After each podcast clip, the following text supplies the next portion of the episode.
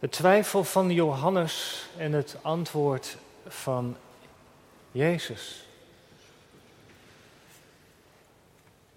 Gemeente van Christus, de vraag van Johannes aan Jezus is een vraag die door velen is gesteld. Bent u de beloofde redder of niet? Johannes stelt deze vraag wanneer hij in de gevangenis zit, zoals we hebben gelezen. Met andere woorden, als u, Heer Jezus, de beloofde redder zou zijn, waarom zit ik hier dan nog steeds gevangen?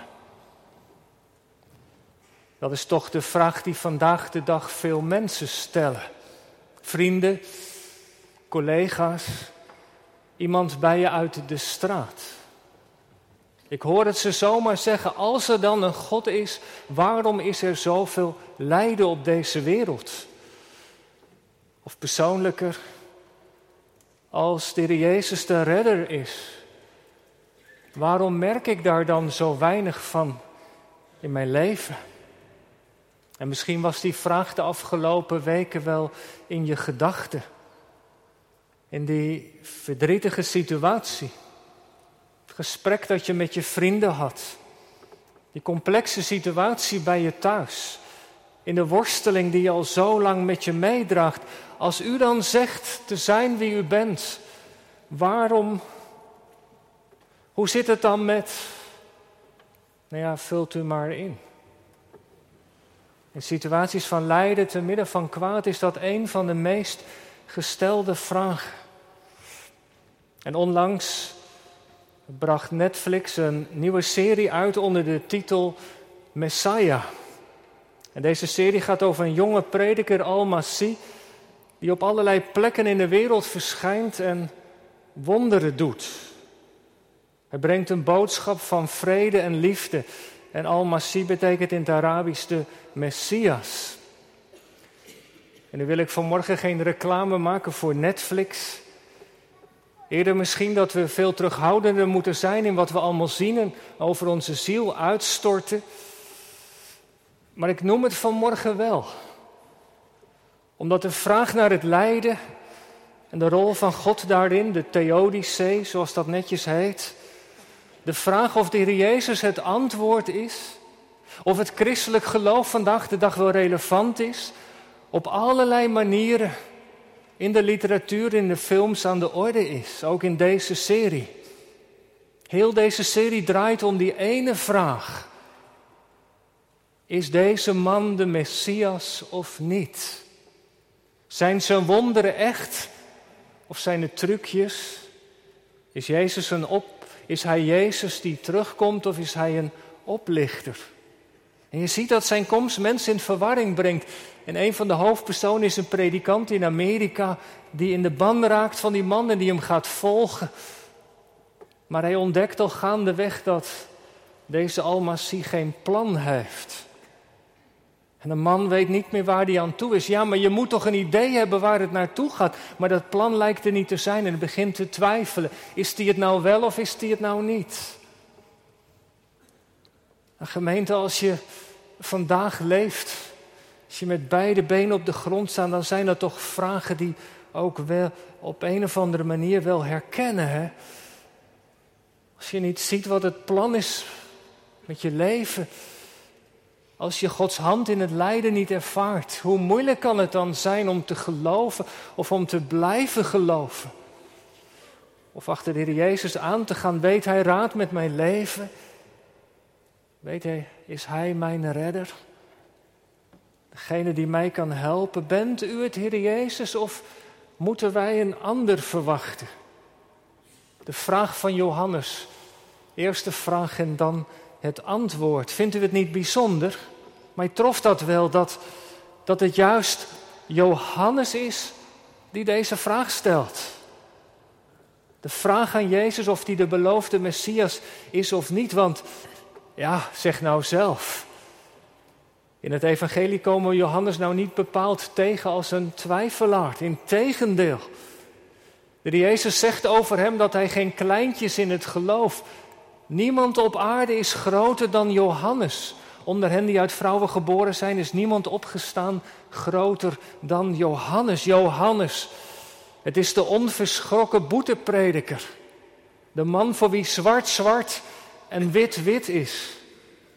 We hoeven ons maar de prediking van Matthäus 3 in herinnering te brengen. Die radicale boodschap die daar klonk. Bekeer u, want het koninkrijk van de hemel is nabijgekomen. Gods nieuwe wereld komt eraan. Ruim de rommel in je leven op. Doe afstand van wat niet goed is. Breek met wat verkeerd is. Laat je dopen. Leg je oude zondige leven af. Zoals je bent, zoals je daar zit. Je kunt God niet ontmoeten. Breng vruchten voort in je leven. En zo niet, denk erom, de bij ligt aan de wortel van de boom. En zonder vrucht zul je omgehakt worden. Nu is het de tijd voor omkeer.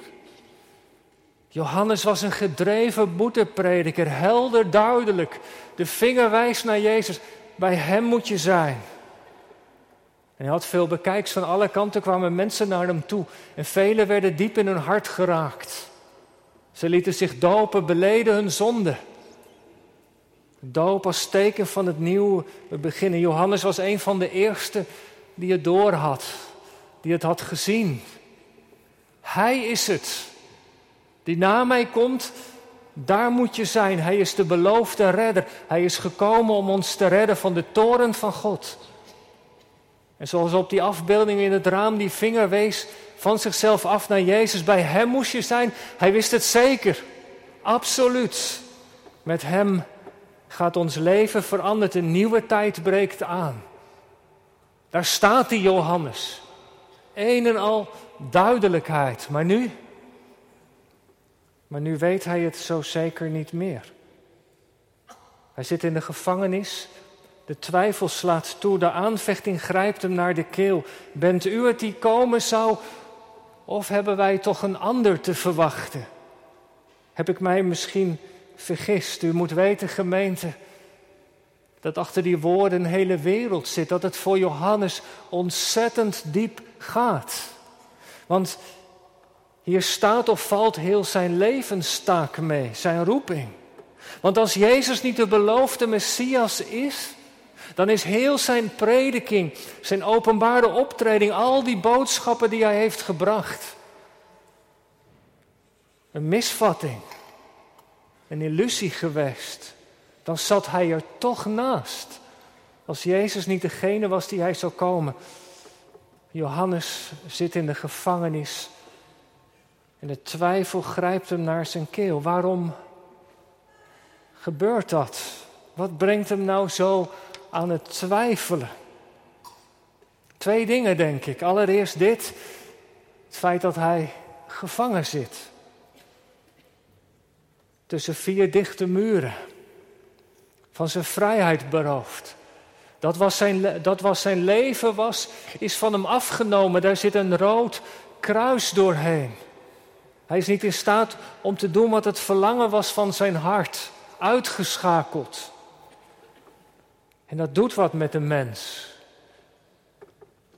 Als je aan de zijlijn komt te staan als alles anders is. En Johannes had die gevangenis te danken aan zijn radicale prediking. De Messias, hij zou de dorsvloer zuiveren. Er was graan, maar er was ook heel veel kaf. En dat kaf zou worden verbrand. Nou, Herodes. Dat wat hij deed, dat was toch zeker kaf, zeg nou zelf. Herodes Antipas, de lokale vorst, was getrouwd met Herodias, de vrouw van zijn broer Filippus. Maar er was overspel. God zou dit nooit goedkeuren. Die boodschap, dat feit stond haaks op de geboden van God. En Johannes had het aangekaart maar die radicale boodschap was hem niet in dank afgenomen. Zo, als je zo radicaal het kwaad veroordeelt, als je er wat van zegt, kun je zomaar in de problemen komen. Ook vandaag trouwens. Misschien niet in Nederland, maar wel elders. Johannes zit in de gevangenis en Jezus, Jezus gaat gewoon door met het evangelie verkondigen. Hij gaat gewoon door waarmee hij mee bezig is. En hij stuurt niet eens discipelen naar Johannes toe. Johannes zit daar in de gevangenis en ervaart God niet. en is door Jezus verlaten. Zo voelt hij zich, zijn geloof krijgt een deuk. Bent u het? Of bent u het toch niet? En weet u, er is nog iets wat meespeelt, dat is het tweede. Wat voor Johannes denk ik zo'n enorme aanvechting is. Omdat de Jezus zo anders is dan hij had gepredikt. Johannes is een grensfiguur. Hij hoort nog bij het Oude Testament. Hij staat op de overgang van het Oude naar het Nieuwe Testament. Hij is de Oud Testament, laten we zeggen, de laatste Oud-testamentische profeet die spreekt voordat de Heer Jezus zou komen. En als je het Oude Testament beluistert, dan zijn er wat de toekomst betreft twee lijnen. Als God belofte geeft, als God spreekt over de toekomst, dan zijn er de beloften van de genade van de nieuwe toekomst. Maar er was ook een andere lijn, de lijn van het oordeel. God belooft een nieuwe toekomst, een nieuw hart, een nieuwe geest, zeker, maar pas nadat het oordeel was vertrokken. Eerst moest de zonde uit Israël verwijderd worden. Eerst moest de wereld gezuiverd worden. Eerst moest er zoveel worden afgebroken. Voordat God weer kon gaan bouwen. Voordat hij weer opnieuw kon gaan planten. Eerst moest het kaf worden verbrand. Dat was de boodschap van Johannes. Het oordeel van God komt. Maar dan komt Jezus. En Jezus predikt het evangelie van de genade. Hij gaat met hoeren om, met zondaren en tollenaars. Hij beweegt zich onder de mensen die de wet niet kennen. Hij ontfermt zich over verkeerde mensen, mensen die het helemaal niet verdienen. Waar blijft nu dat oordeel? Waar die zuivering dan? Jazeker, de Jezus heeft de schriftgeleerden en fariseeën gewaarschuwd, de tempel gereinigd. Hij heeft het kwaad aan de orde gesteld, maar er is nog zo weinig veranderd. De machthebbers zitten nog op de troon. De fariseeën gaan hun eigen gang op een paar uitzonderingen na. De wereld ziet er nog zo onverlost uit. Bent u het? Of toch niet? Gemeente, is dat nou herkenbaar? Waarom doet Jezus niets? Ver weg of dichtbij?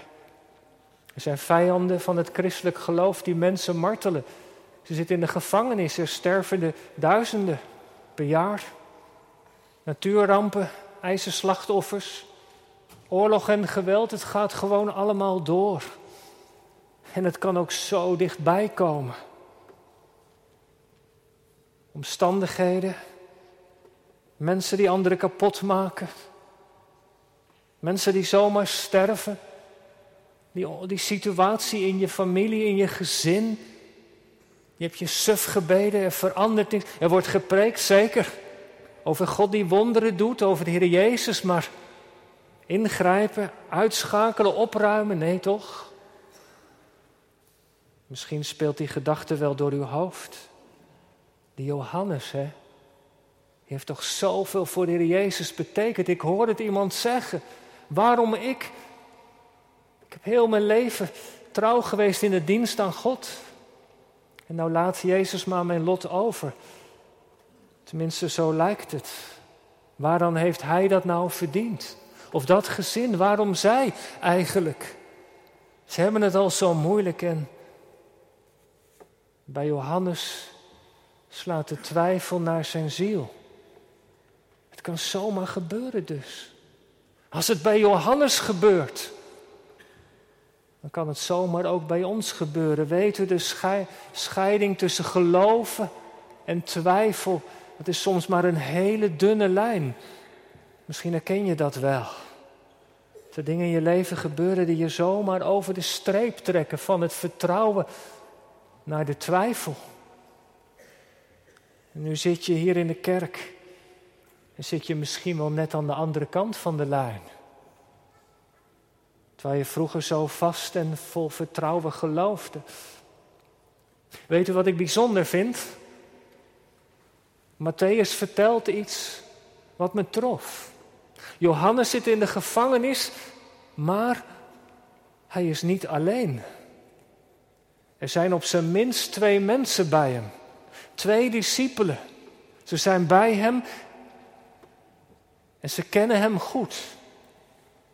Het zijn leerlingen van Johannes de Doper. U weet, Johannes de Doper heeft ook volgelingen gehad. Hoewel hij naar de Jezus wees, zijn een groep discipelen hem ook gaan volgen. in ieder geval een aantal is bij hem. En ze zien hem daar zitten met zijn vragen.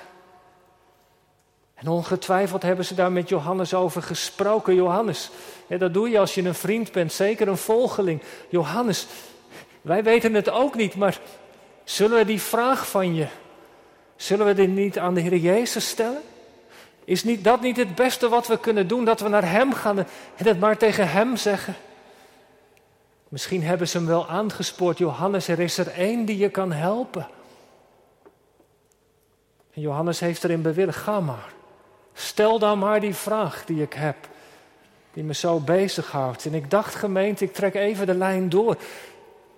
Ik hoop nou dat u of jij zo'n vriend, zo'n broeder of zuster bent. Voor iemand uit de kring van de gemeente, uit je vriendenkring, die twijfelt, die gevangen zit.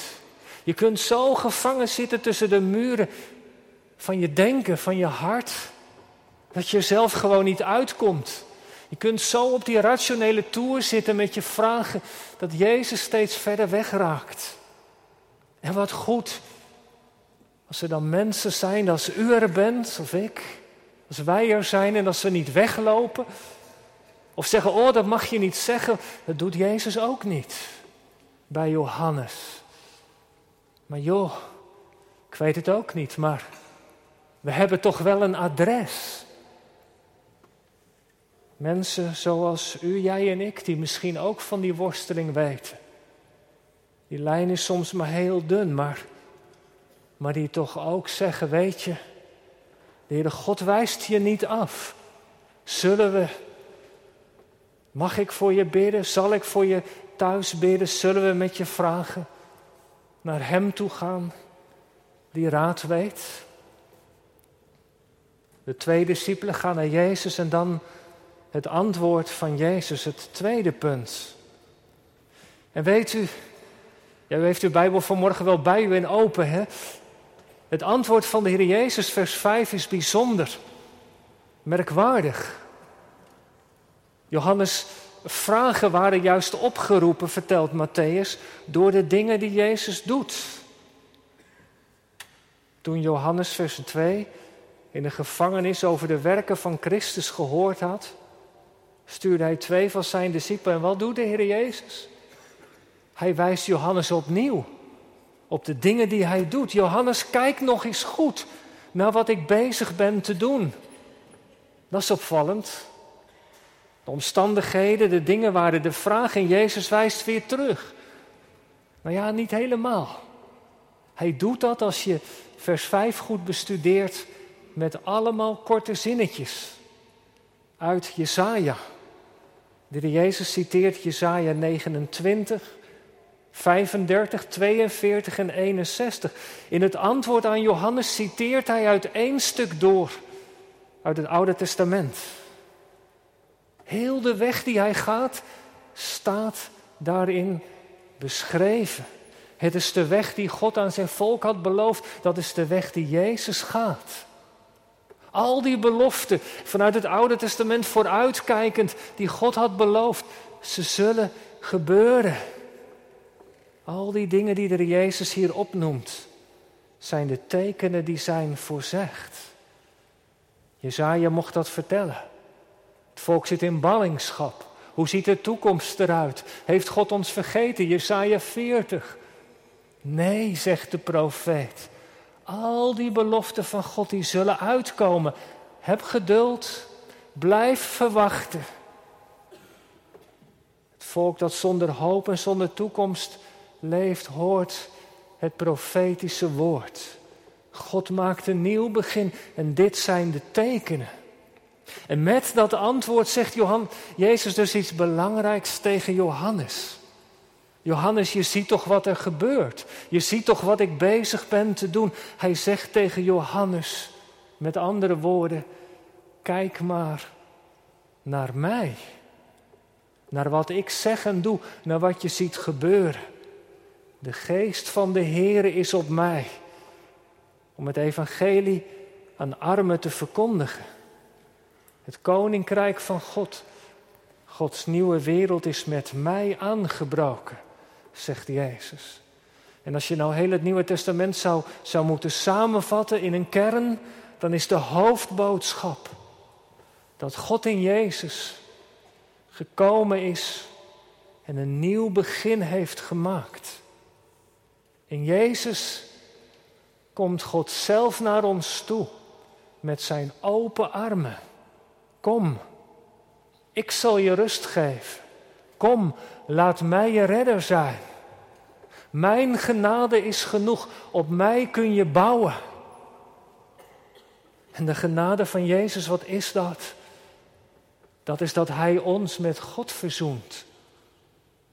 Hij maakt ons van vijanden tot kinderen van God. Hij draagt het oordeel over onze zonde. Hij draagt het weg. Hij herstelt de toegang met de Vader. In Hem, door je aan Hem toe te vertrouwen, ontvangt je leven een nieuw begin en een vast fundament. Dat is wat Jezus tegen Johannes zegt. Dat is wat wij vanmorgen horen. Maar geloof je dat ook? Gelooft u dat? Dat je met al je vragen bij Jezus moet zijn? Met het raadsel van je leven? Met je zonde, je wonden? Met je vragen en twijfels? Geloof je dat? Ja, natuurlijk zeg je. Natuurlijk. Maar zeg niet te snel ja, natuurlijk. Natuurlijk is een vijand van de genade, want Jezus voegt er nog een zinnetje aan toe. Namelijk dit. Zalig ben je, gelukkig ben je, wie aan mij geen aanstoot neemt. Vers 6. Dat is opvallend. Aanstoot nemen, wat is dat? Nou, één ding niet. Jezus zegt niet tegen Johannes: Gelukkig ben je omdat je geen vragen hebt. Gelukkig ben je omdat je geen twijfel hebt. Zo gaat Johannes, Jezus niet met Johannes om. Hij blijft hem de grootste noemen van de mensen hier op aarde. Maar aanstoot nemen, weet je wat dat is? Is dat je aan de Heer Jezus ergert. Dat je hem links laat liggen. Dat je hem niet langer relevant vindt voor je leven. Dat je om zo te zeggen klaar bent met Jezus. Als je klaar bent met Jezus, dan heb je geen vragen meer, geen twijfel. Dat maakt dan allemaal niet meer uit. Dat doet er niet toe als je hem uit je leven laat verdwijnen. Kan zomaar gebeuren, maar dat is een ramp. Maar dat kan, hè? Het is een reële optie. Dat je aanstoot neemt aan Jezus. Want het evangelie heeft iets aanstootgevends. Zalig ben je, zegt Jezus, als je aan mij geen aanstoot neemt. Wat is het aanstootgevende? Ik noem nog twee dingen. Je kunt aanstoot nemen aan Jezus, omdat je de tekenen niet genoeg vindt. Het Nieuwe Testament vertelt dat er Jezus een nieuw begin heeft gemaakt. Zeker. Wat Hij heeft gedaan, heeft de wereld veranderd. Onze jaartelling verwijst er zelfs naar. En jongens en meisjes, even een beeld. Het is maar een voorbeeld. Met de Jezus is nieuws begonnen. Ik dacht, je kon het, kunt het vergelijken met een grote berg. En dan, dan raakt een steen los en die steen die rolt naar beneden. En die steen die gaat steeds sneller, neemt allerlei andere stenen en gras mee. Of met een lawine zou je het misschien kunnen vergelijken. Die naar beneden gaat en steeds meer in snelheid toeneemt. En zo is het met het koninkrijk van God. De steen is gaan rollen. Het is in beweging gezet, onomkeerbaar.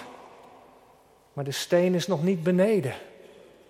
Het is nog niet in zijn volledigheid doorgebroken. En dat, dat kan nou juist zo'n aanvechting zijn. Je ziet het tekenen, je hoort hoe de Heer werkt. Je merkt het bij de ander, maar lang niet altijd bij jezelf. Er gebeuren wonderen, blinden zien, kreupelen kunnen weer gaan lopen. Maar Johannes die blijft in de gevangenis en die zal later onthoofd worden. Er is zoveel gebrokenheid dat blijft. Die blijft. Je hoort mooie verhalen uit de zending over wat God elders doet. Maar jij zit in de bank of u en je denkt, hoe zit dat dan bij mij? Bij mijn familie? Bij wat er gebeurde? Het leven met de Jezus valt je misschien tegen. Wat is het plan? Vroeg de dominee aan het begin. Misschien ook wel jouw vraag. Komt dat nieuwe begin er wel bij mij? Het tweede, je kunt ook aanstoot nemen, niet aan het tekenen, maar aan de Heer Jezus zelf. Aan de weg die Hij gaat. Aan het feit dat er verzoening nodig is. Dat wij dat allemaal nodig hebben. Of dat de Heer Jezus de weg is naar de Vader, de enige. Dat je leven aan Hem moet verliezen. Om gered te kunnen worden. Dat je eigen ik moet sterven dat niet jouw weg, maar de weg van God belangrijk is. Aanstoot nemen kun je omdat je leven in je eigen hand wil houden. Koste wat het kost. Maar nu zegt Jezus vanmorgen tegen ons: zalig ben je als je aan mij geen aanstoot neemt. Dat is, gelukkig ben je als je bezig blijft met mij. Als je mij blijft zoeken met je vraag en gemeente, dat is het allerbeste wat we kunnen doen. Bij Jezus blijven. Hem elke keer weer opzoeken. Met je vragen, met je twijfels. Hem niet opgeven. En waarom is dat dan het beste? Ik eindig. Omdat alleen bij Jezus alles in je leven op zijn plek valt. Omdat alleen bij Hem alles in je leven op zijn plek valt. Zo was het toch in de bergreden. Gelukkig de armen van geest, gelukkig die treuren.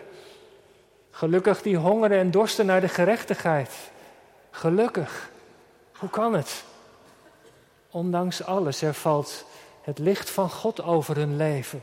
Zijn genade, zijn nabijheid, ook al zit je in de gevangenis, achter de tralies. Al die mensen waar Jezus over spreekt, vinden het geluk bij Hem. En net zoals de Jezus tegen Johannes zegt, zegt hij vanmorgen tegen ons. Kijk maar naar mij. Wat doet Jezus? Hij geeft zichzelf als het antwoord op al onze vragen. Zie, hier ben ik. En zo stapt hij naar mensen toe, zo komt hij vanmorgen naar ons toe, met zijn handen uitgestoken naar ons. Kijk maar eens goed. Ik heb mijzelf voor jou gegeven. Zie je die gaten in mijn handen? Die littekens. Ik ben de weg van het kruis voor jou gegaan tot het bittere einde. En deze handen, die doorboorde handen, die zullen je dragen. Die zijn onder je leven. En ze zullen je opvangen. En ze zullen je dragen ondanks alles. En die handen die zullen je troosten. En als het tijd is, zullen ze je thuis brengen.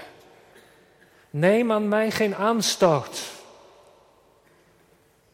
Maar laat mij je heiland zijn. Kijk naar de handen. Laat je daardoor dragen. Geloof je dat? Dat die handen er zijn? Ik hoop dat u, jij en ik Amen zegt. Amen.